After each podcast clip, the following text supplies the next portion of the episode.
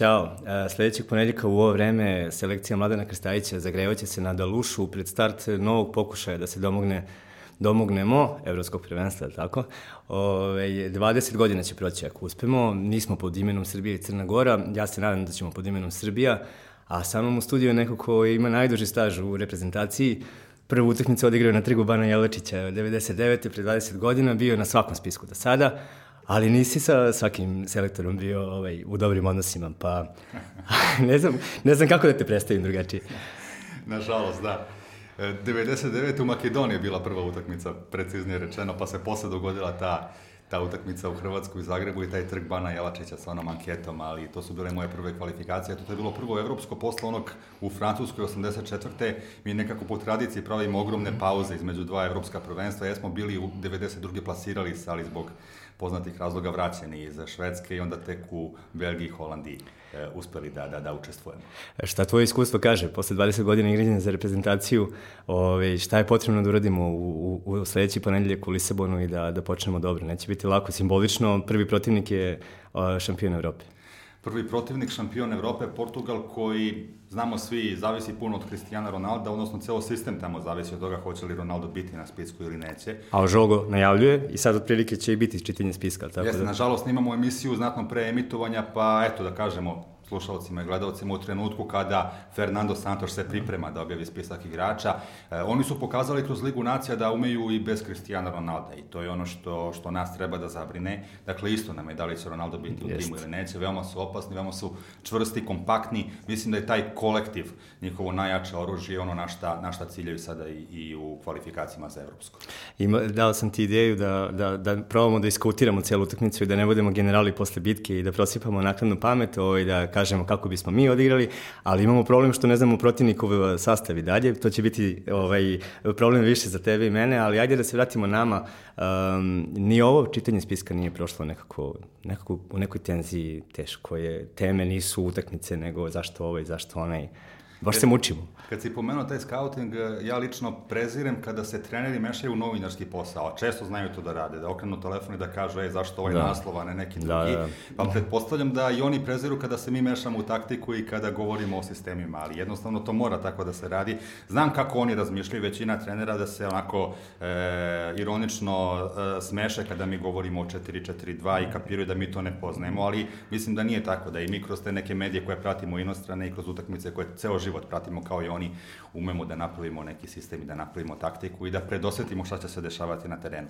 Pa zato sam ti pitao, zato što sam ih hteo, ajde, lako bi bilo posle, odgledamo utakmicu i sad mi znamo, recimo, ovaj bi odigrao dobro, odigrao loše, ovaj ispao u tom duelu i onda je lako da se kaže, e, trebali smo ovako i onako, ali ajde probamo pre toga, pa da vidimo kako će da izgleda. Jeste. E, znamo svi da, da Portugalci imaju taj svoj sistem 4-4-2 u kome su igrali i na prvenstvo sveta u Rusiji, nisu se proslavili, eto ispali su tamo od Urugvaja u osmini finala. Da... To, mu, to im je drugi poraz od, kad su postali prvaci Evrope. Imali su od Švajcarske na početku kvalifikacija i taj. Da, oni su nekako imali tu e, silaznu putanju kada je reč o učešćima na svetskom prvenstvu, znači od 2006. recimo kad su igrali polufinale, posle su toga ispali u četvrt finalu, pa u osmini finala, pa u grupnoj fazi.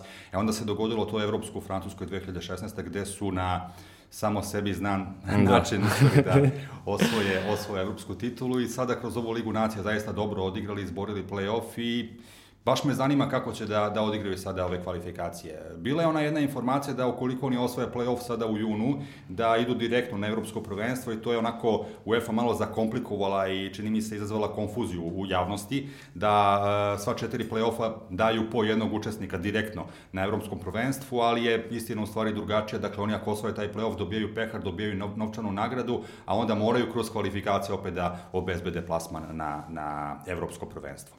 To važi za nas, tako? To važi za nas, apsolutno, ali eto, mi imamo tu drugu mogućnost, na svu sreću, to je ta prednost ko, ko, koju smo dobili kroz Ligu nacija, da i ako kiksnemo u kvalifikacijama, možemo da računamo na taj play-off da. naredne godine i na tu poslednju šansu.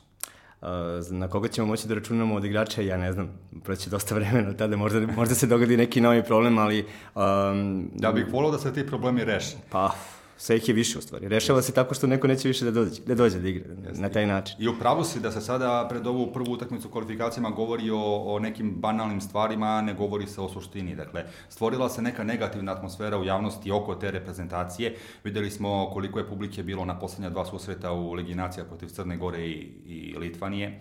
Jeste bilo hladno vreme, ali umelo je u prošlosti da bude minus da. pet, pa da tribine budu pune. Nekako je javnost izgubila poverenje u tu reprezentaciju.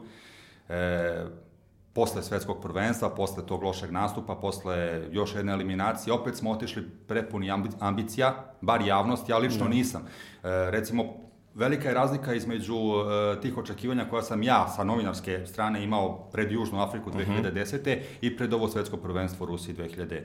godine. A trajalo je dugo nekako, već godinu i po dana smo u nekoj kontri, od tog Beča praktično krenulo i, i, i onda smena selektora, pa sklanjanje Baneta sa pozicije kapitena, pa prvi problem, uh, Mijat i Matija, pa uh, svetsko prvenstvo, Švajcarska, uh, Luka Milivojević, Duško Tošić, uh, o, tu je ko još bio? Bane Ivanović, nisu igrali posle protiv Brazila. Nastasić. Nastasić je bio, da, nije ni otišao. Vratili smo se nazad, trojica veterana od 33-34 godine su nekako samo nestali. Znači, to su Bane rekorder, niko nije ni, ni, ni tapno po ramenu, ni ništa, sad čovjek je samo ovaj, prestao da bude pozivan, nekako je ostalo, sve je nerešeno. Onda se dogodi da problem sa Lukom Milivojevićem, pa intervju Milana Obradovića koji meni i dalje, ja ne mogu da verujem da se ovako nešto de, uopšte dogodilo. Jeste, to je bio veliki autogol Futbolskog saveza Srbije, da. Ovaj, pre, preslikalo se na malog Marka Grujića koji, eto, promenio menadžera, sad više nije u ekipi poveden je izvučen iz Orlića. I krenula je medijska hajka na njega Jest. zbog činjenice da je promenio menadžera. Da. Konstantno smo u nekoj kontri. Znači, to već traje godinu i po dana da, da, da, da u stvari samo je duži spisak e, futbolera sa kojima je selektor u lošim odnosima ili ne uspeva da ih izgledi. E, u klubu, ako se slaže sa mnom, se za takve stvari dobije otkaz posle kao trener se menja, tako? Ne možeš da budeš osam igrača ovaj, za, za godinu i po dana ili sedam ili pet, da, da, da ne možeš da rešiš to. Nekako, ne znam, samo čekamo šta će, gde će sledeće da pukne, a ne ovaj, a nekoga ćemo sledećeg da dobijemo. Jeste, klub je druga priča, u klubu je taj fond igrača za jednu sezonu i, i, i teško je dovesti pojačanja, reprezentacija ipak ima više igrača na raspolaganju i lakše ako neko otkaže se nađe alternativa, ali si u pravu da, da je mnogo negativnih stvari, da se sve to skupilo u relativno kratkom periodu i da je izazvalo eto, i revolt javnosti i tu neku negativnu atmosferu unutar i oko reprezentacije. Znam Krstajića od ranije, nekako je cela njegova karijera u reprezentaciji vezana i za moju novinarsku karijeru. Dakle, te da. 99. kada sam ja preuzeo sektor reprezentacije na SOS kanalu i on je ušao u reprezentaciju, bio u onim kvalifikacijama, odigrao dve, tri utakmice i onda na volšeban način ispao sa spiska za završni turnir u Belgiji Holandiji. Da. Sećam se da isto bila afera u medijima, zašto nema Krstajića, a po svemu je zasluživao da bude na tom spisku, pa posle preko svetskog u Nemačkoj 2006. preko njegovih nastupa u, u, u Verderu i Šalkiju, uvek smo imali korektnu saradnju. Znači, sećam se jedne anegdote, recimo, sa, sa priprema za to svetsko 2006 kada sam došao slučajno preko doktora Miljka Ristića do informacije da on ima veliki problem sa diskus hernijom i objavio sam normalno tu informaciju, došlo je do, do buke i dreke u, u kampu reprezentacije, neko je čuo da je to objavljeno, to je njemu valjda napravilo probleme sa klubom i sa ugovorom novim koje je trebalo da potpiše. I da je dok se vodila ta polemika neko, pošto imam svoje izvore tamo u reprezentaciji, neko od reprezentativaca rekao ja za njega više ne dajem izjavu. Onda sam ja to pokušavao da raščistim preko potparola Boškovića i čak sam i sa Krletom zakazao razgovor gde mi on rekao, opusti se bre čoveče, se lud, pa ja, ja nisam takav, znaš, ako nešto saznaš ti objavi. Znači, znam ga kao vrlo korektnog momka. E, to sam te da ti pitam, i ja sam, ja nisam imao toliko kontakta sa njim, ali je nekako on delovao kao neko ko uvek smiri situaciju, yes. ko je staložen. Vidit će, možda ima, ima malo nezgodniji karakter i tako dalje, ali sad Jeste, kao selektor teško balans, podnosi da. taj pritisak da. uh, konstantno uh, i nastupi prema novinarima i konferencije štampu mi, uh, da obrazloži po, poziv Darka Lazovića, on kaže pa da ga nisam pozvao i bi pitali zašto ga nisam pozvao. Mislim, Mislim da je to posledica neiskustva. E, to je ono, onaj glavni problem koji imamo zašto je Krstajić tako rano dobio priliku uopšte da bude selektor. Dakle, svi ti potezi koji on vuče, način na koji se obhodi prema medijima, način na koji daje izjave su posledica neiskustva. Eto, pomenuo si tu konferenciju, bilo je mnogo pitanja na koje on mogao da ponudi mnogo, da. mnogo prikladniji odgovor. Recimo, pitanje kolege iz žurnala Zlatibora Repića oko Nastasića, zašto se nije išlo u Gelsenkirchen da se razgovara da. sa Matijom, kao što se išlo u London da se razgovara sa Milivojevićem, je sasvim korektno pitanje. Znači, pitanje koje bi postavio svaki Just. gledalac sa tribine. A mi smo valjda ti neke koji pitamo ono što bi trebalo da zanima ljude koji nemaju da. priliku da uđu u konferencijsku salu i da postave pitanje. Znači, normalno pitanje je zašto se nije išlo se razgovara sa Nastasićem. Mogao je da odgovori na bilo koji drugi način, samo ne na, on, na onaj na koji da. je govorio, pa vi to pitate zbog tiraža. Znači, ima tako neke stvari koje možda ga i loše savjetuju ljudi koji se nalaze u njegovom okruženju. Znači, Vidim ja po nekim odgovorima da mi to ne liči na Mladena Krstajića. Meni je bilo čudno uh, uh, za Živkovića i uh, Nemanju Radonjića. Uh, oni su budućnost i u redu je što ne igraju, treba da budu tu. Ja onda pogledam koliko imaju godine, imaju 22 i 23. E onda se postavilo pitanje za Gajića iz uh, Zvezde, a ne može posle jedne utakmice dobro da bude pozvan, što se slažem, a, ali on, za njega ne važi kontinuitet, jer on isto ima 22 godine. Znači, za momke istog godišta, koji su zajedno bili reprezentativci mladi i sve, za jednog je u redu što ne igraju, za dvojicu je u redu što ne igraju i budućnost su, a za posle minut, dva, za njegovog e, drugara iz generacije, pa kao ne fali mu kontinuitet. Da, mislim, imate kontradiktorno. Kontradiktorno je, da. Jeste. Mislim, e, nekako nikad ne možeš da provališ šta je merilo po kom osnovu je nešto. Za svakoga veže, važe kao da ima nekih pet ovako različitih kategorija, za ovoga je ovo, za ovoga je ono, e, sa ovim se nije čuo, za ovoga je otputovao da razgovara, ovaj neće sa mnom, rekao je, pa je dobro i ovaj drugi je rekao da, da ne želi, tako da, ne znam, zbunim, zbunjen sam nekako kao da, da ni, ni sam selektor više ne, ne, ne ume da obrazloči zbog čega je neke odluke doneo. Eto i odgovor recimo za Darka Lazovića kada je rekao da zašto to pitate, da, da ga nisam pozvao, pitali biste zašto ga nisam pozvao. A odgovor je mogao da bude prost, jednostavno pozvao sam ga jer ga vidim u startnih 11. Da. Ti ja smo sastavljali tim da, e, evo, za Portugal, da, pred, pred ovu emisiju i obojica smo e, bez dogovora stavili Darka, Darka Lazovića jer ga vidimo tu. Momak igra zaista sjajno ove sezone. Jest. On je preporodio Dženovu sada kod, kod novog trenera. Igra i levo i desno, igra e, e, i napred i nazad, dakle pokriva veliki deo terena, dobija najvišu ocenu u italijanskim medijima, ja to pratim posle svake utakmice i po meni on može da bude naš veliki Jest. adut u utakmici protiv Portugala. I to je bilo pitanje da je on u stvari mogao, e, momka koji šest godina nije odigrao takmičarsku utakmicu od Škotske, od Hendon Parka, nije odigrao takmičarsku utakmicu za Srbiju, da podigne i da ga, da ga, da ga dozove nazad i da kaže dobrodošao si, ti si naš deo i sve iskoristio je da napadne novinara što je pitao ove sećam se, sećam se kvalifikacije za svetsko 2010. i jedna od prvih utakmica protiv Litvanije, kada je Antić napravio spisak i desilo se da se povredio neki igrač. E, I on je naknadno pozvao Laneta Jovanovića, znači kao alternativu za tog igrača koji je otpao sa spiska i koji nije bio čak ni, ni, ni u, u, u glavi za startnih 11. I recimo pet dana pred utakmicu ja sam mu postavio pitanje na konferenciji da li postoji neko od igrača na treningu ko se nameće i za koga niste očekivali da će biti u startnoj postavi, a da sada ima mesta. I on kaže, moram da vam kažem, Lana Jovanović koji je došao naknadno, toliko se nametnuo da ga ja, kaže, već sada vidim u startnih 11. Molim lepo. Slična situacija sada sa Lazovićem. Mogao je da odgovori, pozvao sam ga jer ga vidim tu da može da bude od koristi. Ali dobro, to je ta negativa. Predugo traje nekako. Od prvog dana praktično je zašto ovaj, zašto onaj i, ovaj, i, i otpada jedan po jedan igrač na tom putu. Samo se Mijat, u stvari Gaćinović, prema rečima selektora izvinio, pokajao i, i vraćanje nazad. Svi ostali sa kojima je u, se dogodio neki problem u nekom periodu, da li u Rusiji, na putu ka Rusije, Rusiji ili, ili posle toga, više nisu tu. Očigledno su mnogo, to... mnogo igrača je to za nas. Očigledno su to neki dublji problemi, eto konkretno sa Lukom Milivojevićem. Što se tiče Baneta Ivanovića, meni je tu jako čudna situacija, recimo da se Bane od e, svetskog prvenstva Ništa. ne oglašava, da, ni jednu jedinu izjavu nije dao za medije. Ja sam imao sa njim jedan neformalni razgovor u Austriji na pripremama pred to, to svetsko prvenstvo, gde mi je onako iskreno rekao da, da je jako pogođen tim stvarima koje su mu se dogodile i tada mi je rekao da neće davati ni jednu izjavu do kraja svetskog prvenstva. Eto, imali smo recimo dva uvek, uvek nam se desi nešto, nešto uh, neočekivano kada izborimo plasman na svetsko prvenstvo. Imali smo dve absurdne situacije, recimo u Africi i u Rusiji, da dva najzvučnija imena, recimo u našoj reprezentaciji, nijednom nisu izašla pred novinare. Vidić u, da. u Južnoj Africi, nije bio ni na pripremama u Leogangu, ni jednom na konferenciji, ni tokom celog svetskog prvenstva nije izašao pred novinare.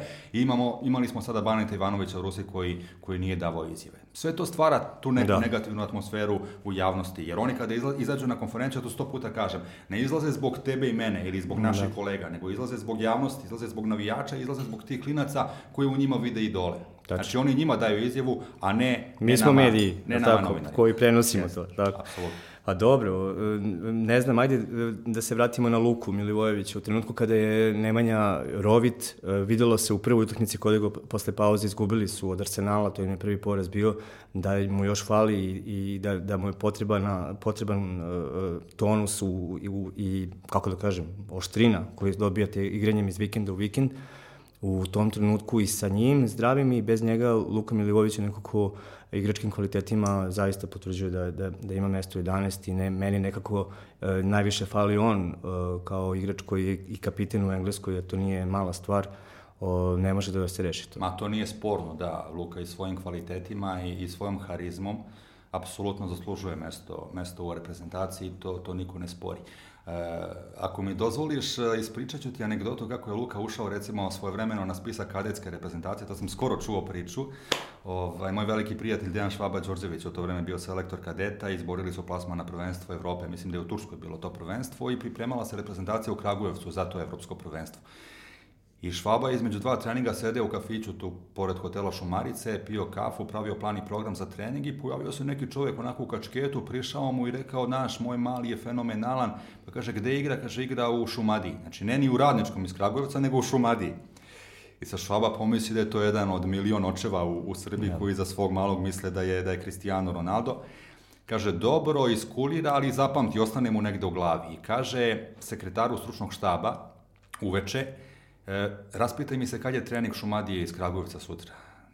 Odu na trening, ali stavi kačket, stavi naočari, skine trenerku, obuče da. civilku, da. da, da ga niko ne primeti, kaže, nemoj mi govoriti ko je mali, kaže Švaba, ja ću posle prvog kontakta sa loptom, ako procenim da je to, to ja ću ti reći to je taj, ako ne, onda Idemo nema, kući. nema od toga da. posla, da. I kaže, prvi dodir sa loptom, mekan prijem, pas, vertikalni, spojio centarfora sa, sa, sa golom, kaže, je to taj mali? Kaže, jest. Recimo, kaže, da dođe sutra kod nas na, na, na, na okupljanje, znaš. Luka Kršt, dođe, proveo, ne, da, proveo sa njima tih 7 dana priprema, radio sve super i kad je došao poslednji dan pred put na evropsko prvenstvo, Švaba opet kaže sekretaru, idi reci Luki da dođe kod mene. Luka pomisli 100% sada mi se zahvali, Luka se već spakuje, razduži se sa opremom kod ekonoma, dođe kod njega u civilci, kuca na vrata, švaba otvori, kaže što si u civilci? Pa kaže došao sam da vam se zahvalim, pretpostavljam da, da idem kući. Ne kaže ne ideš kući, kaže ti počinješ sutra utakmicu. Ovaj kaže pao, pao tu ispred sobe, kaže na, na, na, na kolena, kaže nije mogu da veruje. Znači, ovaj, ima ljudi koji znaju, da, koji znaju da procene, a to je tada bio specifičan trenutak, pošto u reprezentaciji čini mi se da nije bio ni jedan igrač Zvezde, a iz da. Partizana bio samo Ljajić. Onda je krenula medijska hajka, znači ovo iz Zvezde i Partizana su ubili Švabu, kako može neki klinac iz Šumadije, anonimus da bude da. reprezentacija, nema nikoga iz Zvezde. Međutim, Luka se dokazuje i posle krenula karijela uzlaznom putanju. Ali, E, čini mi se da se pred ovo okupljanje opet svi previše bavimo nekim problemom koji e, šire gledano nije, nije glavni problem. Znači, nije nama problem Luka Milivović. Mi moramo da se bavimo nekim drugim stvarima. Čini mi se da je naš najveći problem činjenica da nijedan selektor zvučnog imena ne želi da radi da. u reprezentaciji. Da. I ne želi da prihvati poziv da bude selektor reprezentacije. Ja koliko znam i koliko imam informacija, e, bilo je poziva i Veljku Paunoviću, i Piksiju Stojkoviću, i još nekim stručnjacima, niko nije, niko nije pristao da bude selektor. Dakle, nije Krstajić tu zato što je najbolji selektor da. trenutno, nego verovatno što niko drugi neće. I to je nama osnovni problem, a ne da li će Luka Milivojević biti na spisku i, i, i u startnoj postavi. Dobro, ne znam da li bismo pomenuli Luku u ovom smislu da, da on nije jedan od nekoliko koji je umeđu vremenu uh, ispao. Uh, Muslin je imao problem sa Milinković Savićem, što je bilo navedeno kao jedan od razloga zbog čega je raskinuta saradnja sa njim. Nije mogo da reši problem sa klincem, a on je pedagog, tako, i treba da reši.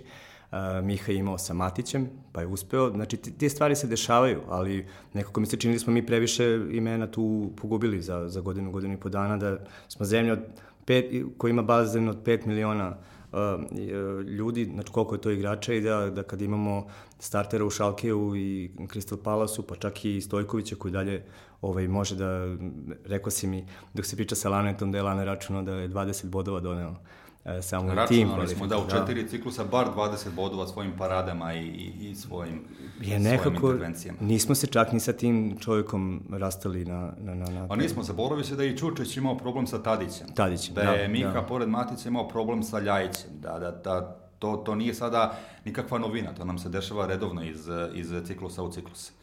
Zato nismo bili 20 godina na evropskom prvenstvu. Ja mislim da za Stojković i dalje ima mesto u reprezentaciji. I ja da, isto. da, da je on neprikosnoven broj jedan tu u, u dresu, dresu državnog tima. Svaka čast i, i Dmitroviću i Rajkoviću, ali Stojki je neko ko je zadužio ovu reprezentaciju, nije se oprostio, brani u svom klubu, dakle ne vidim razloga da ne bude, ne bude u reprezentaciji. A sad druga je stvar što se na takav način opraštamo od e, vedeta. I E. to nas opet prati kroz istoriju, znači nije samo u poslednje vreme. Mi nismo imali oproštenu utakmicu za Piksija Stojkovića, je li tako? Tako je. oprostio se na klubskom nivou u Nišu na meču Radnički zvezda, gde mu je uprava zvezde poslala drugi tim. Pa zato i dan danas ne govori sa Džajićem. Jel tako? da. Nismo se na, na, na dostojan način e, oprostili od e, mnogih drugih zašlu- zaslužnih reprezentativaca.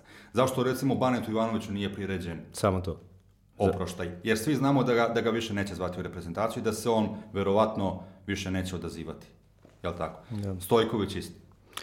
Ne znam, nešto pravimo korake svaki čas. Mislim, sapletimo se sami. Razgovaram često sa tim igračima koji su završili recimo reprezentativne karijere i, i vidim po, po, po njihovom izrazu lica i po načinu na koji govore o tom periodu da osjećaju neku gorčinu, da to nije to. Iako ima mnogo lepih momenata, mnogo lepih uspomena koji ih vežu za reprezentaciju, uvek stoji sa strane to. Dekije, kako smo se sa Dekijima oprostili? Evo, sedeo je tu ovaj, i jedan put sam za razgovor sa njim, pričali smo sat vremena, jednom sam osetio da u glasu, onako u mimici, da, da mu nije nešto prijatno, pričali smo o Južnoj Africi i toj utakmici sa Australijom i na kraju poslednje pitanje koje sam mu postavio je jel vodiš dobar život? I rekao je, eto, osim te Južne Afrike, ja ne bi menio ništa na putu. Tako da njima ostane zaista ta reprezentacija kao neka rana, nešto što ovaj, na kraju krajeva ni Vidić nije imao dobar odnos sa srpskim medijima zbog reprezentacija, ne zbog Manchester Uniteda, Spartaka. Ovaj, Dek je celu karijeru govorio kako mu je želja da se oprosti na stadionu Zvezde pred punim stadionom od reca reprezentacije, onda se oprostio u Novom Sadu protiv Japana pred e, 6000 ljudi. 6000 ljudi, da. Kako se Savo Milošević oprostio? 6-1 sa Protiv. Bugara pred 2000 lju- ljudi na stadionu Partizana. Moramo, moramo više da cenimo te veličine i te vedete. Mislim jer, jer, jer ih nemamo puno. Tako je.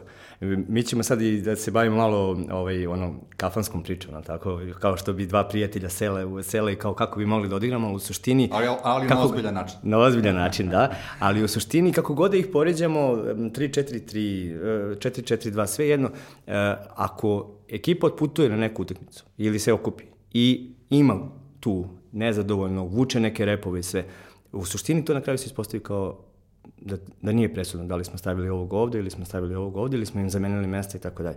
Da u stvari najjača snaga ekipe je to što nema sumnji, nema, nema nesporazuma, nema e, širenja ruke, dodaj, zašto nisi dao i tako dalje, nego zaista svi za, svi za jednog, jedan za sve. Ja se, ne znam, pokušavam da setim kad smo zaista poslednji put izgledali tako na terenu kao reprezentacija i, i ono što si rekao, ode Vidić pa ne razgovara, ode Bane i svi mi vidimo po njegovoj faci gde stane na aerodromu i nema ga na ovoj slici, nema ga na onoj slici, mi vidimo da nešto ne funkcioniše i ti onda negde e, ni ne možeš da očekuješ da će oni sutra kad krenu da igraju zajedno da, da izginu jedan za drugog i da budu kao, kao braća u, u, u, ovaj, u toj uniformi koja, eto, protokolarno znači najviše na svetu, ali ove sve probleme koje nemaju u klubovima na kraju puknu u, u toj upremi. Pa da mi na pamet jedna utakmica. Znaš, kad sam ja osetio recimo da, da oni dišu kao jedan i da su, da su srećni posle pobede protiv Rumunije u Bukureštu, ja mislim. 3-2, Bane dao gol. 3-2, jako bitna utakmica, možda i prelomna u tim kvalifikacijama i sećam se da su svi zajedno posle utakmice otišli ispod tribine sa našim navijačima. Ja sam bio sa kolegom i sa kamerom i snimali smo sve, sve te scene. Vetar je bio neki jak u Kostan, Kostan, tako Konstanci nešto jeste, da. Jeste, u Konstanci je bila utakmica i, i prvi put sam vidio da su oni sami smislili pesmu reprezentacije i pevali je zajedno sa navijačima. Znači, video sam na, na, na njihovim licima tu, tu radost i, i to zadovoljstvo što nose, da. što nose taj grb na dresu. Dobro, nije davno bilo, 10 godina. Pa nije. nije. Ali ovo sada postaje već malo zarazno. Znaš, ja se plašim da svaki futboler koji recimo ne uđe sada u startnu postavu da će Jest. osetiti potrebu da, da digne glas i da kaže nešto, nešto protiv selektora. Ali to je sada do autoriteta. Znači, zna se kako se to suzbija u startu. Prvi put kada se dogodi. Ništa, ćemo da pročitamo sastave. Može. Dobro. Gosti, imaš prednost. Da, dogovorili smo se da, da, da malo e, govorimo o tim sastavima i o potencijalnim e, postavama jednog, i drugog tima. E, pa ono što, što stoji tu kao konstanta, znači za, za neke igrače za koje se zna da mora da budu tu. Znači, ne zato što, što ih neko gura, nego što je jednostavno to tako i što nema, nema drugih alternativa. Znači, počeo od tog štoperskog tandema Milenković-Veljković, ako smo se opredelili da to bude štoperski tandem za narednih 10 godina, treba i gurati. Tako je. Čak i po cenu da, da taj Veljković, ako nema nastupe u svom klubu, da, da bude standardni reprezentativac. Iako Spajić, recimo, u poslednje vreme igra standardnije u Krasnodaru nego, nego Veljković u Bundesligi. E, vratio se Stefan Mitrović u, u tim, kažu da se preporodio gore, gore u Francuskoj. Igra, igra da. 90 minuta svaku da. i malo golova. Poneo traku, da, traku, znači da. to govori o, o, o njegovoj ličnosti ali mislim da treba gurati Milenkovića i Veljkovića i dalje. To je jedan od redkih poteza koji mi se dopao na svetskom prvenstvu, znači situacija kad su, kad su mladi igrači dobili šansu da, da, da bljesnu. E, što se tiče nekih drugih e, e, konstanti, kako ih ja zovem.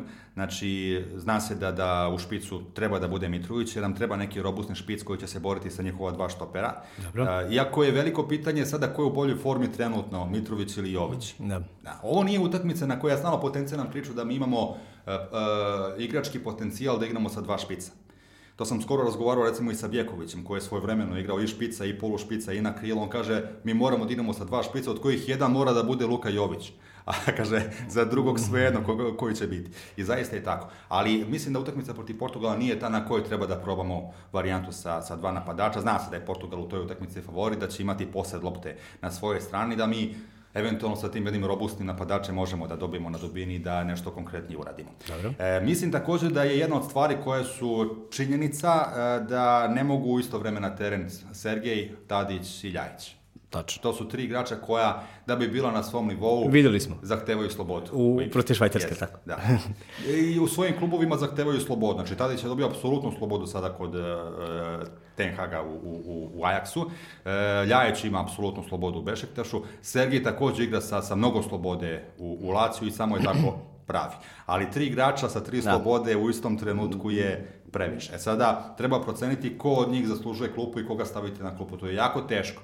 Tu je Krstajić pokazao da, da ne ume, čini mi se, da nametne svoj stav i svoje mišljenje tokom svetskog prvenstva, kada je bilo neki drastičnih situacija gde se vidi da Sergij više ne može i da je pravi trenutak da on izađe, on ga ostavlja na terenu i, i izvodi neke drugi igrače, konkretno recimo Luku Milivojevića. A svi smo primetili to i, i to i onda je ispalo kao, čak mislim da je i Kolarov imao ovaj, jedan komentar uh, koji su čiji novinari, o, u smislu kao koji novinari navijaju za kog. Ovaj, ali, da, ali da. videli smo da, da, da je Luka u tom trenutku u toj utakmici bio najbolji na terenu i da nije trebalo da izađe. Mislim, prosto nije, nema veze da li se on prezivao ovako ili onako, da, da, da, da nam je vežete oči da ne možemo da znamo kako se kod njih zove, rekli bi da je taj dečko dobio najviše duela taj dan. Ali ajde, nastavi, da te ne prekidam. Da, još jedna stvar koja po mom mišljenju je, je fakat da Ljajić ako igra može da igra samo na toj poziciji desetke, znači iza špica, nikako ne može na boku, jer je tu potpuno neupotrebljiv i kada igra na boku, Jeste. apsolutno naša reprezentacija igra sa igračem manje. Znači da to nije samo moje mišljenje, čitam italijansku štampu, znam šta govore e, e, italijanski stručnjaci koji se dobro razumeju i poznaju potencijal i kvalitet Adema Ljajića, znači njegova konkretna pozicija Sredina. samo tu i, i, i ništa više.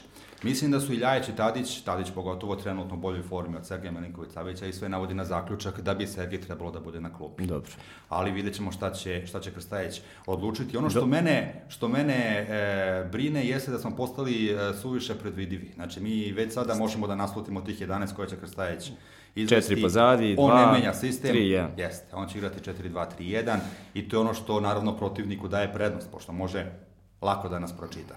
Deluje mi da je Krstajić navukao strah posle te utakmice protiv Švajcarske, gde je na 1-1 otvorio karte, krenuo svim silama da pobedi, primio gol i mi smo e, izgubili tu utakmicu i, i moramo I da se vratimo sa svetskog prvenstva. I posle toga jednostavno ne želi ni da rizikuje. Eto koliko je puta na konferenciji rekao, pa jeste me e, ubili u pojam što sam to uradio protiv Švajcarske, pa šta sada hoćete, zašto insistirate na dva špica. Ali bilo je, ja mislim, u Ligi nacija mnogo prilika i utakmica gdje smo mogli bar da pokušamo sa dva špica. Tim pre što se ispostavilo kad god Prijović uđe, iako je Mitrović i dalje na terenu, mi smo Napravi se frika. razliku jest. jeste i nešto se dešavalo. To je bilo i protiv Gruzije kod Muslina, onoj odlučujućoj utakmici kada je ušao i kada je napravio dar mar u, u odbrani Gruzije, a to je bilo i sada u finišu kvalifikacija, mislim, protiv Litvani, kad je isto ušao u drugom poluvremenu i napravio razliku. A dobro, fali mi tu, nisi mi rekao uh, Golman Dmitrović. Pa nema ko, da, od, ova, od ove trojice na spisku Dmitrović je Dmitrović je u prednosti u odnosu na Rajkovića, iako i obojica brane standardno u svojim klubovima, ipak Dmitrović brani u zahtevnoj ligi. Uvek je na nivou, mislim, ne možete očekivati da, da Eibar bude bude klub koji će se boriti za vrh tabele i koji neće primati golove, da. ali koliko pratim posle svake utakmice Dmitrovića, čak i kad izgube sa dva, tri razlike, Jest. on je među, među najboljima na terenu. To je tačno. Pošto nema Stojković, znači Dmitrović je, Dmitrović je na golu. Ta tri beka pozadi bi mogli da budu Milenković, Veljković i sad Stefan Mitrović ili Spajić. E, sve jedno. E, složili smo se i ti ja da bi u, u vezi po bokovima trebalo da, da funkcionišu Lazović desno i Kolarov levo. E, pazi, Kolarov, iako ima svoje bubice, iako je već igrač u godinama, ima on tu klasu koja Absolut. je dalje pravi razliku na terenu, dakle, neizostavni deo deo startne postave i tim pre što je kapiten i na neki način lider ove ekipe. Potpuno je drugačiji u odnosu sa, sa, sa igračima, a, a drugačiji van terena u odnosu sa nama, ne znam, novinarima i sa, sa, sa navijačima. Videli ste probleme koje sad ima sa navijačima Roma da. tamo u Italiji. E, Kostića bih obavezno stavio na, na, na, na levu stranu da bi sa Kolarovom tu pokušao da zatvori, pošto znamo da je Cancelo njegovo jako oružje.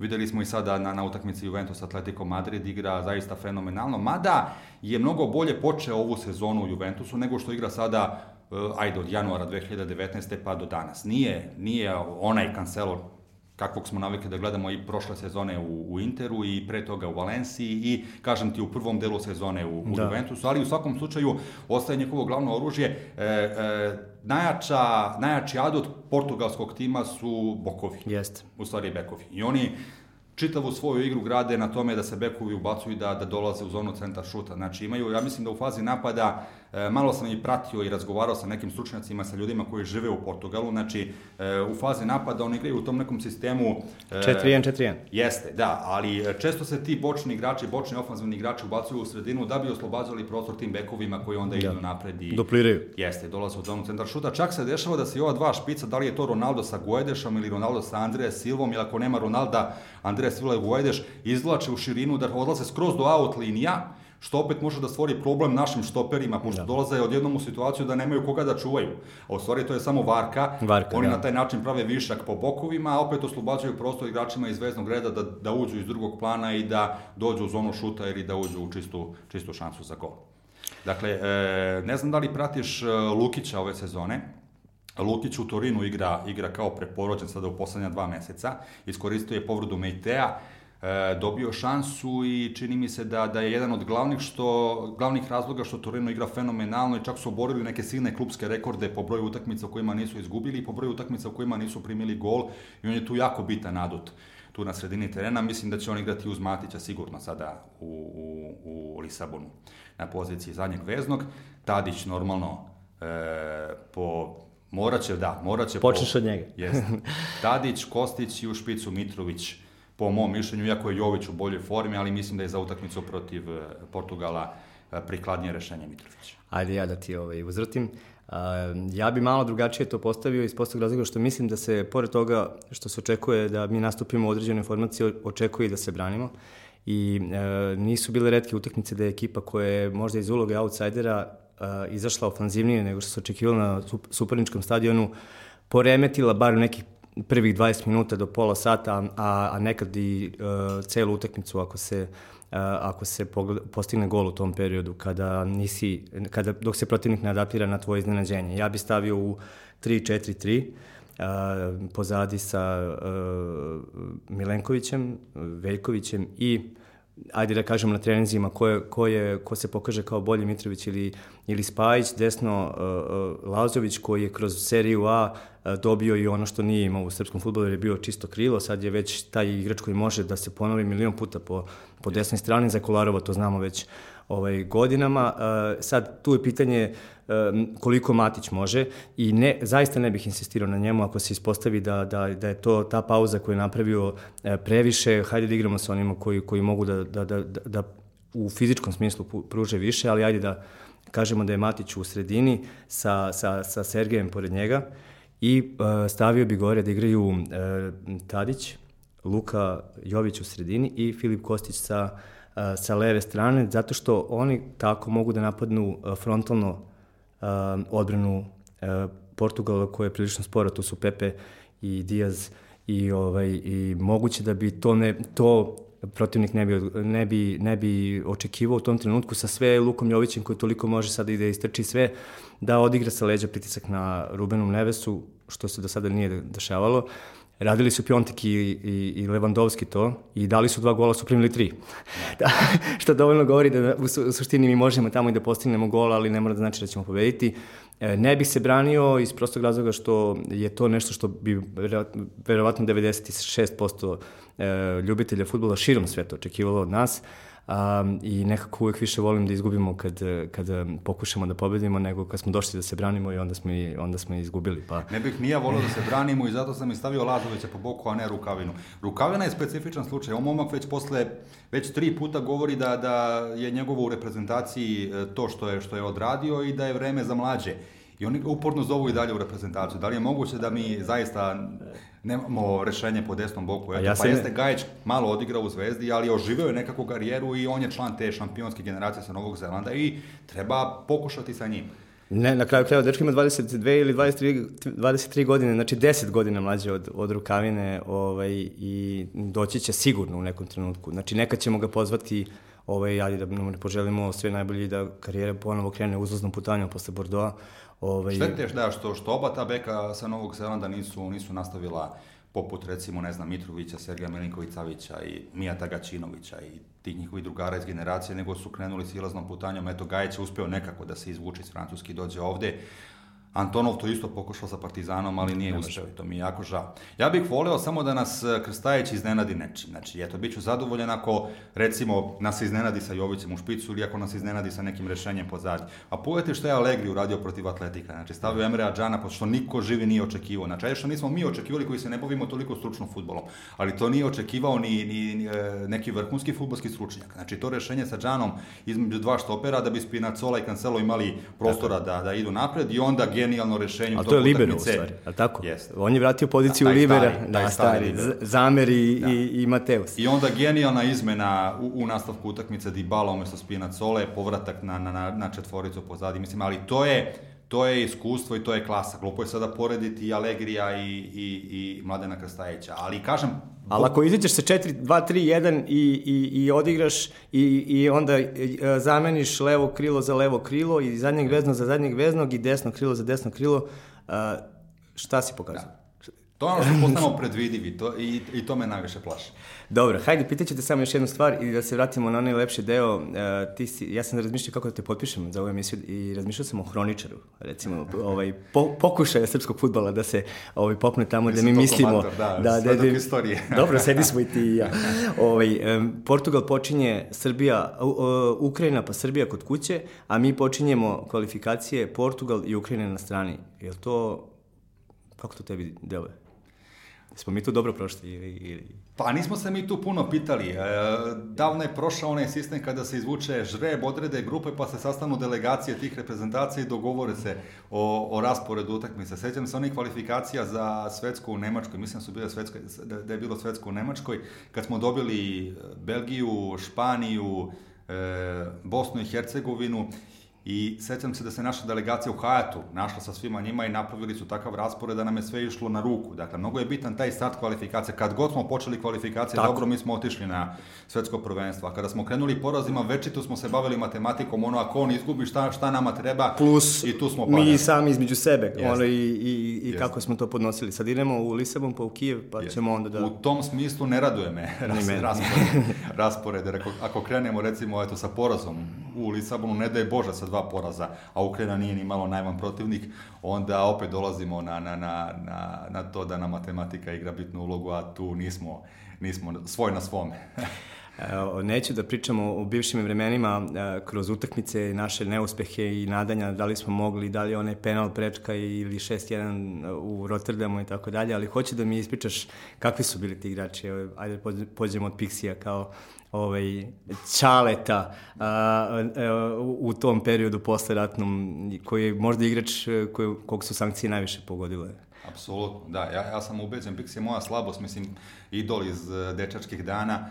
E, zavoleo sam futbol zbog njegovih majstorija i, i u dresu Zvezde i u dresu reprezentacije. Ja sam ubeđen da nije bilo te povrede da bi došao do zlatne lopte. Znači, to, to niko ne može da me da me ubedi u suprotno. I ono svetsko prvenstvo u Italiji, znači samo da, da, da je ona lopta završila milimetar ispod prečke, da smo prošli Argentinu, on bi bio najbolji igrač svetskog prvenstva, a ne, a ne Lothar Mateos. E, skoro sam radio baš i za Mondo neku, neku rubriku sa njim, ispričao mi je sjajne priče i o, i o Kelnu, ono kada su kada su izgubili 3-0 i, i razlog zašto su izgubili onu organizaciju kada dolaze čovek Šaner kod njega na vrata na dan utakmice. Ajde ispričajte, to je dobar, dobar ovaj, možda nije... Pa on kaže da, da, da su i Zvezdi i ajde reprezentaciji kroz istoriju uvek problem bili, bili organizacija i, i, i sve drugo, a ne kvalitet igrača. Jer mi smo uvek imali mnogo talenta, a nikada nismo imali taj neki drugi faktor koji je često presudan i, i odlučujući. I pre tu utakmicu u Kelnu, na dan utakmice, kaže, posle ručka odu u sobe da odmore malo pred put na stadion i on čuje neko kuca na vrata, izađe, otvori, vidi šanera koji mu nudi kožnu jaknu za 300 maraka. On kaže, ne zanima me, on kaže, dobro, Pixi, evo imaš pantalone onda za 100, znaš, ovaj, 200 su kao, ali al za tebe će biti 100, mislim, čovjek ne, ne, ne veruje šta se dešava, znači nije bilo obezbeđenja, pa zamisli to danas da se desi. Des. Onda izlaze dole, kaže, kreću na utakmicu, ne možeš da, da, da vidiš autobus od, od navijača, 2000 navijača došlo ispred hotela. Pa kulminacija svega ulaze u autobus, igrači, nema mesta za njih. Kaže, svi sede sem nas.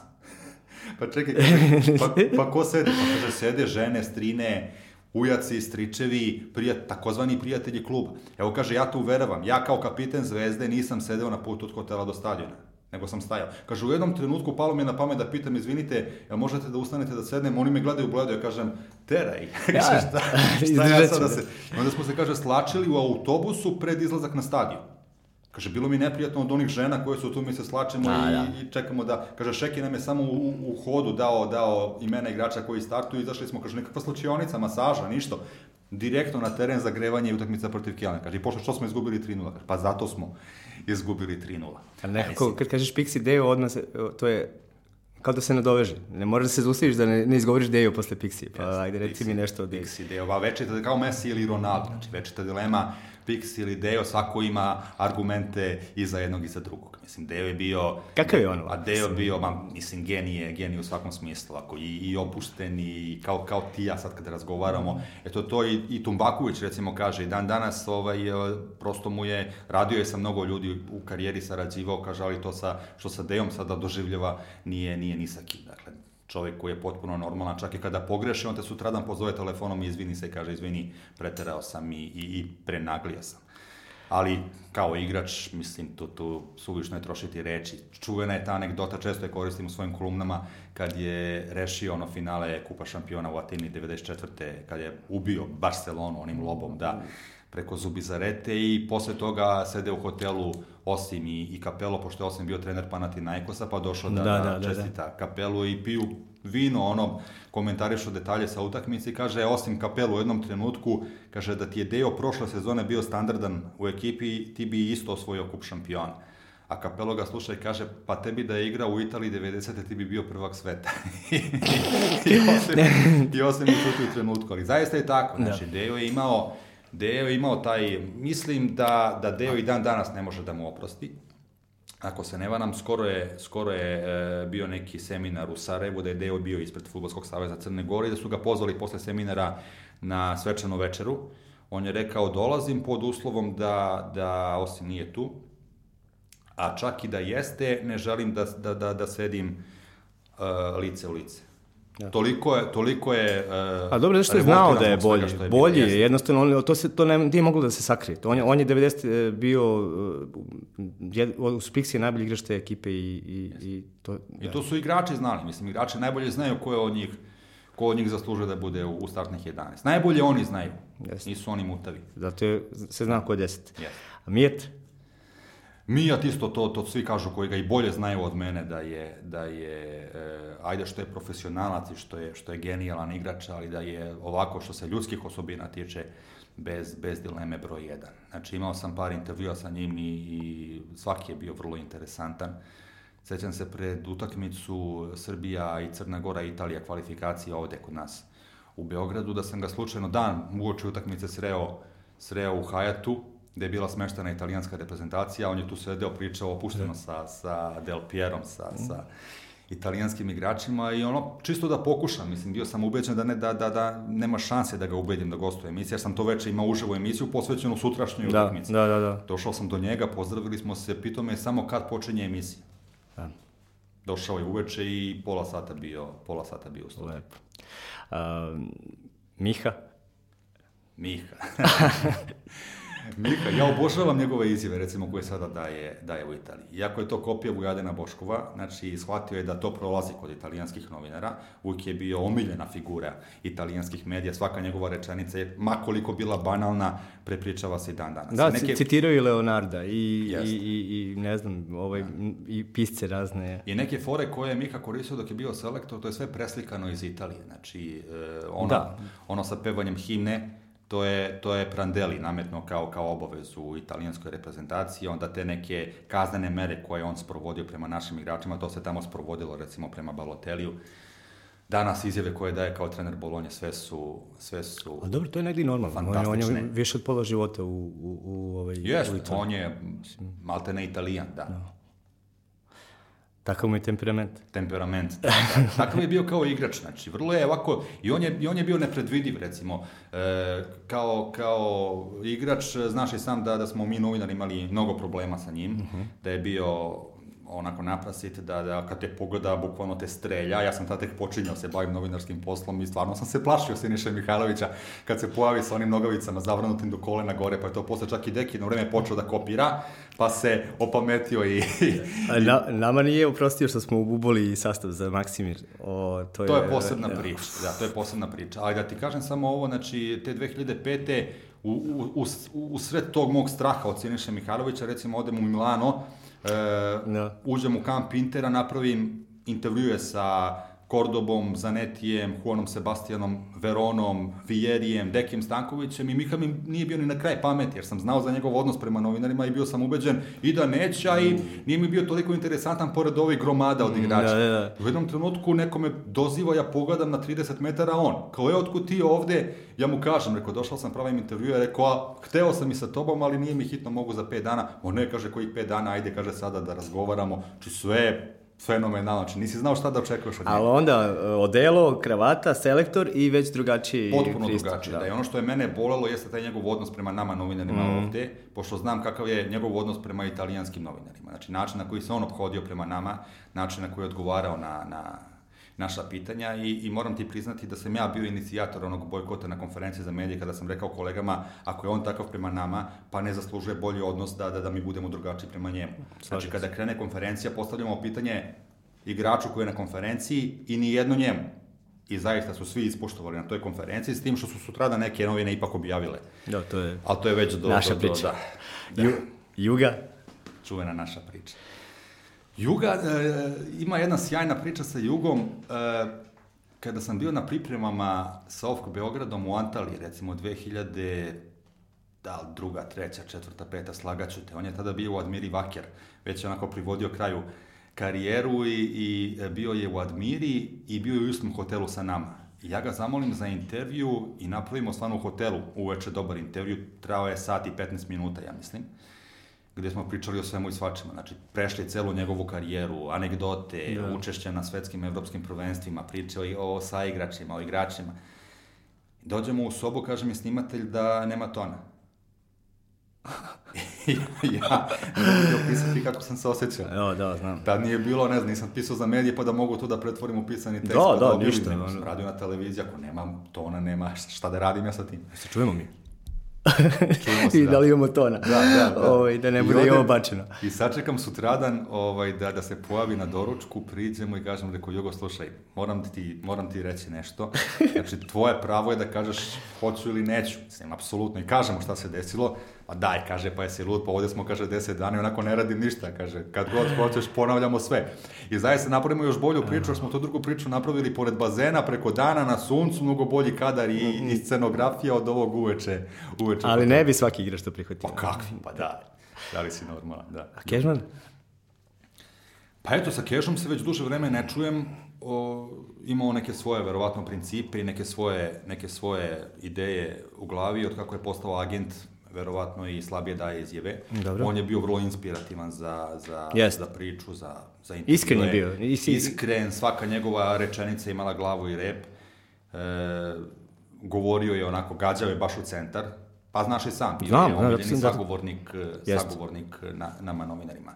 Tu su bili lepi intervjui, recimo u Feldenu pred svetsko prvenstvo 2006. Znači i sa njim, i sa Vidićem. To je jedan od redkih intervjua Da. sa Nemanjom Vidićem tada u On mi je sledeći ovdje, Da. spremi se. Da, tada u Feldenu i sa Dekim Stankovićem. Znači, Keža je, Keža je uvek bio maksimalno korektan. Imali smo jednu, jedan nesporazum, tako bi ga nazvao, baš posle one utakmice protiv Azerbejdžana, kad smo igrali 2-2 dole u, u Podgorici, kada smo skoro ostali bez šansi za plasman na evropsko prvenstvo i meni je posle te utakmice gost u studiju bio Piksi Stojković uživo, predsednik Futbolskog saveza u tom trenutku i pored naše priče komentarisali smo izjave igrača iz mix zone, gde sam ja pustio njegovu izjavu gde kaže da nije on Ronaldo da prođe pored tri igrača i sam da gol, da mu fale lopte od veznih igrača i na neki indirektan način Optu- optuži, optuži ovaj, međutim u tom pitanju sam ja njega pitao da li ti fale lopte iz veznog reda, znači možda sam ga ja i, i naterao da, da odgovori tako, s tim što u emisiji sa Pixijem su puštene samo izjave kratko jer je moralo da ide brzo priča iz studija, nije bilo mog pitanja da je on posle pozvao i rekao zašto si mi to tako uradio, ipak si me ti to pitao, nisam ja sam to odgovorio i tu smo malo ušli u neku diskusiju, ali smo vrlo brzo rešili, rešili taj problem. Ja bih volio da ga... Mateja, ako gledaš ovo, ovaj poziv važi doći da, da pričamo ovaj, o svemu. I za sos i za moda, da. Ovaj, dobro, Nemanja Vidić. Ma šta reći o Nemanji? Nemanja je gromada, ne, ne srpskog futbola, nego gromada Manchester United. Znači, sad sam skoro razgovarao sa Lanetom Ivanovićem, kaže, nije Nemanja bio kapiten eh, Manchester Uniteda, Nemanja je bio kapiten najboljim igračima u istoriji Manchester, Manchester United. Kod najboljeg Da. menadžera u, Da. u istoriji Jest. futbola. Jest. Eto, tako. Da. I sad, št- bilo šta reći negativno o Nemanje Vidiću bilo bi deplasirano.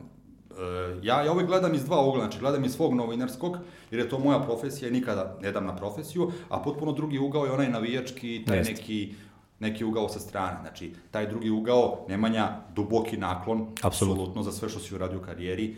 E, Čak sam to i napisao u onoj kolumni kada, kada se opraštao Mačko kapa dole, on je imao tu foru Mačko, gde si Mačko. On i ja smo imali e, vrlo korektnu saradnju u početku dok je bio u Zvezdi, sećam se te jedne emisije uživo u studiju gde mi je bio gost, ja mislim da je to bilo tri dana pred e, spisak Deja Savićevića za utakmicu u Napolju protiv Italije gde sam ja saznao recimo iz nekog svog izvora i saveza da će on biti na spisku, što u tom trenutku niko nije mogao ni da pomisli, on je tek mlad igrač ulazi u, u, u prvi tim Zvezda, kamoli da bude reprezentativac, međutim od tata se videlo da je on taj. Apsolutno. Da, i kad sam mu to pomenuo, on kaže, ma de si lud, kao ja sam mlad, ima, ima starih igrača, ima vremena za mene i desilo se posle tri dana zaista da je bio na spisku, ali smo odradili jednu sjajnu emisiju, posle išli u Napulj, napravio sam odličan intervju sa njim u avionu po povratku iz Napulja, jer je on bio igrač utakmice. Ne, i utakmice koje mu promenile karijeru. Da, apsolutno. Igrali smo jedan, jedan, Jedan, Peđa je dao gol, on je bio... E, ja se u to uzdam možda za Portugal, uvek smo te neke velike utakmice kad se nije očekivalo igrali dobro. A, eto, Jest. nismo izgubili bili ni u Španiji, one sa Raulom i, Morientesom.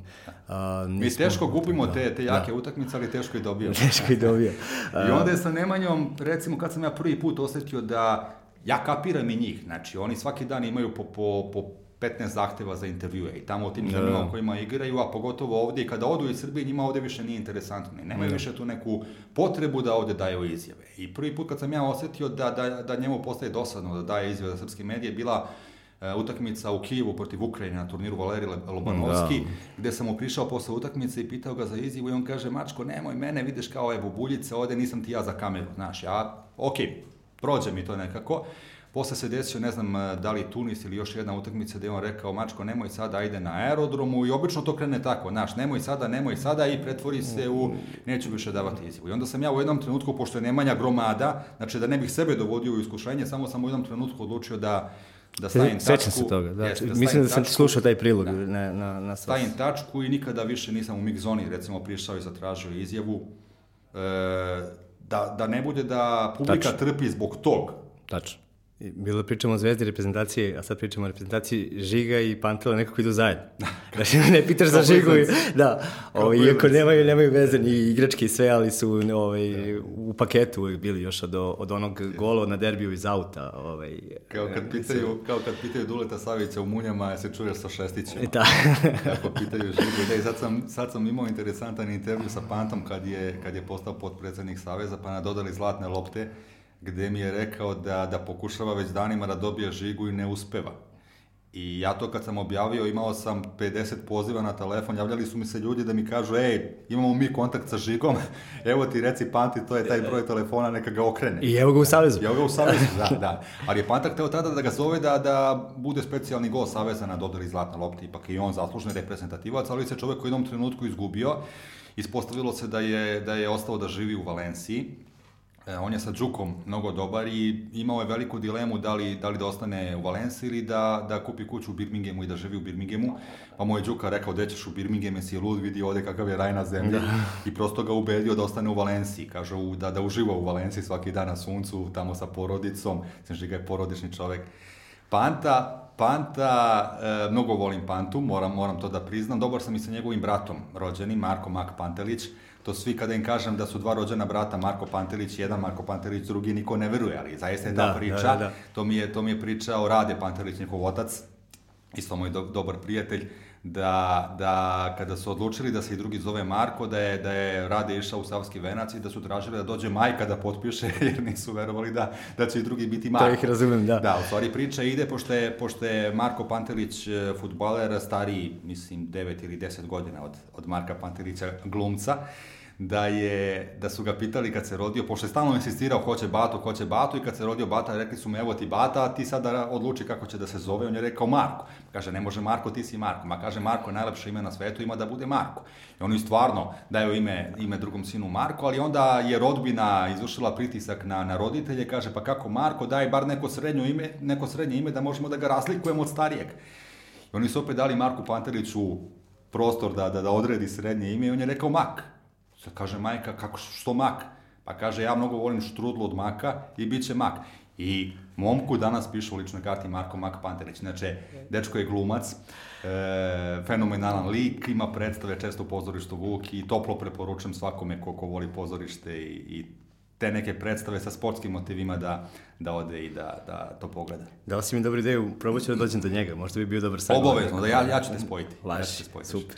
A... Znači, Marko Mak Pantrilić je poznat po ulozi uh, u, u seriji Montevideo, Pustori Pudo Montevideo, glumio je onog Rusa, e, Kirila, ja mislim. Mm -hmm. Kirila Rusa. E, to je, za, za one koji ne znaju, to je Marko Mak Pantelić, rođeni brat podpredsednika Futbolskog saveza Srbije. E, Marko Stolica ovaj, i dalje čeka.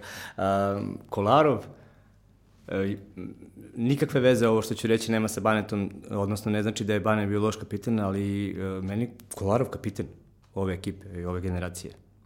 Svi kažu da, da je Kolarov rođen za kapitena. Meni se ne sviđa način na koji je Kolarov postao kapiten, Dobro, da, da, kažem, nema zaista veze sa, Jest. sa Banetom. I tog ovaj... skidanja trake Banetu Ivanoviću, ali e, svi kažu da, da on ima to u sebi, taj osjećaj da, da, da bude lider na terenu i meni je dovoljna recimo izjava Daniela e, De Rossija, skoro je dao pred ovu jednu utakmicu Lige uh mhm. -huh. šampiona, kad je Kolarov ušao u tu diskusiju i taj konflikt sa, sa navijačima Rome, on je zamolio sve da, da budu vrlo razumni i rekao je ako sam u životu upoznao pravog profesionalca, onda je to, onda je to Kolarov. Ja ne sumnjam. Ne sumnjam u to. Iako, iako znam kakav je njegov odnos prema novinarima, u, pogotovo u poslednje vreme, on je taj koji recimo voli da generalizuje, da sve, uh mhm. -huh. sve stavi u isti koš.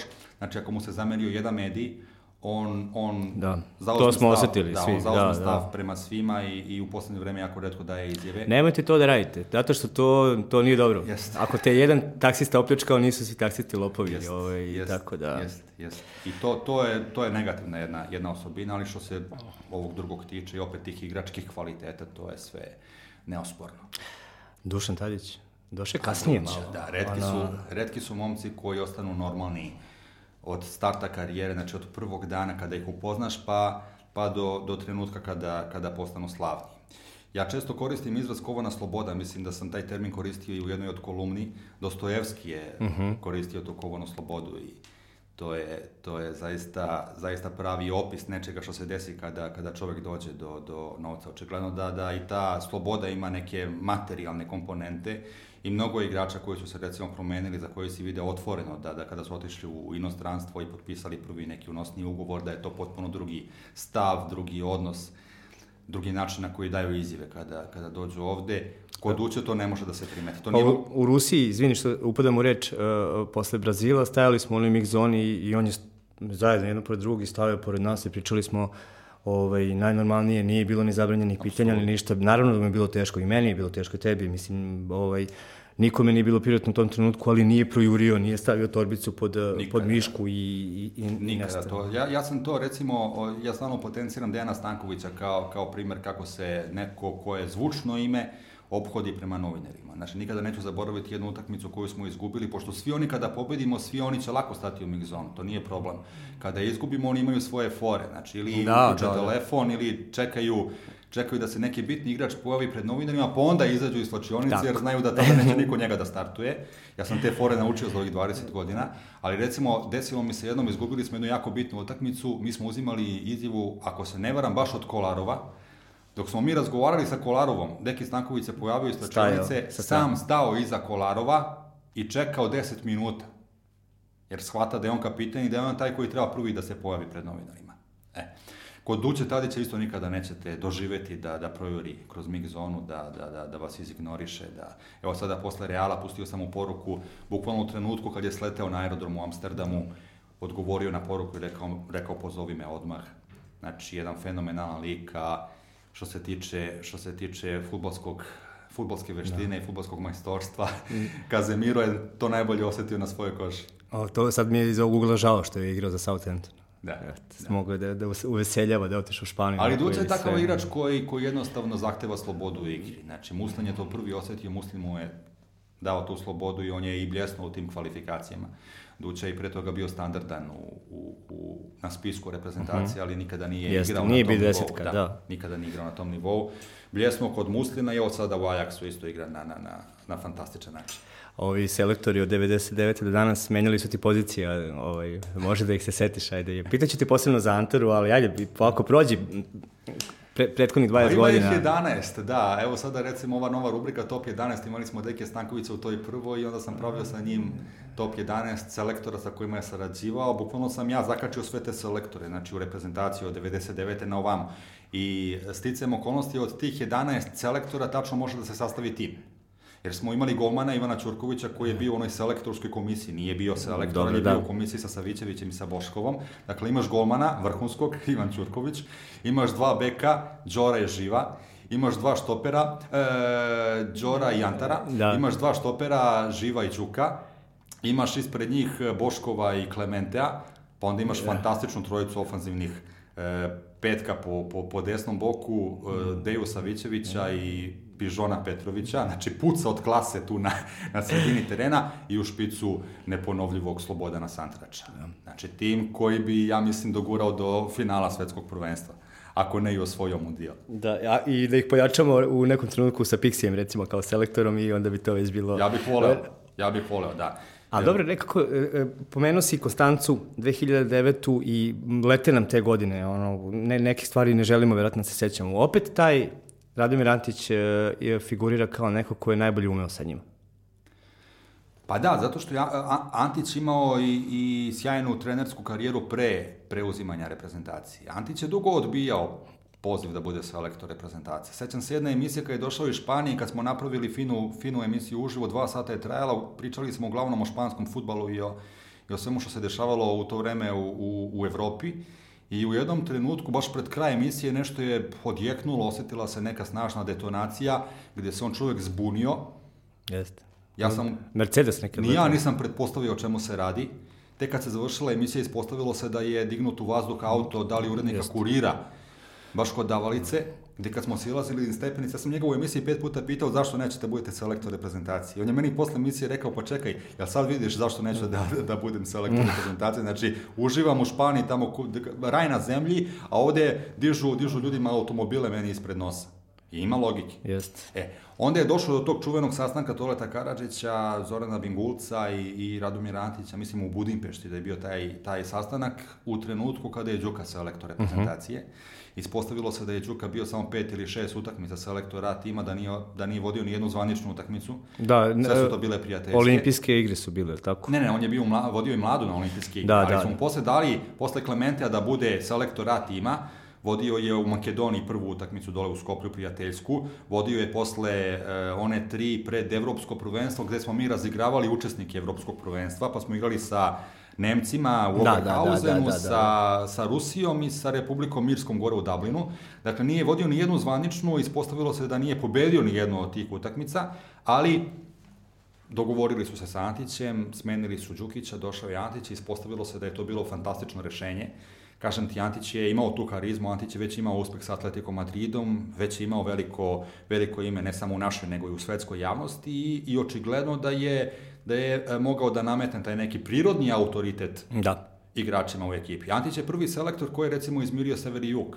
Znači nikada Tako je. publika na stadionu nije Tako je. bila jedinstvenija nego kada je on bio selektor. Jeste. Uvek kad se dođe na utakmicu reprezentacije, ovi prozivaju sa severa igrače Partizana, a ovi igrače Da. Zvezde. Kod njega ne, kod njega je stadion uvek bio pun, uvek je vladala fenomenalna e, atmosfera i uvek je ono bilo, e, cela je nacija reprezentacija, pa sećaš se i, i Kako ne. pesmi i spot.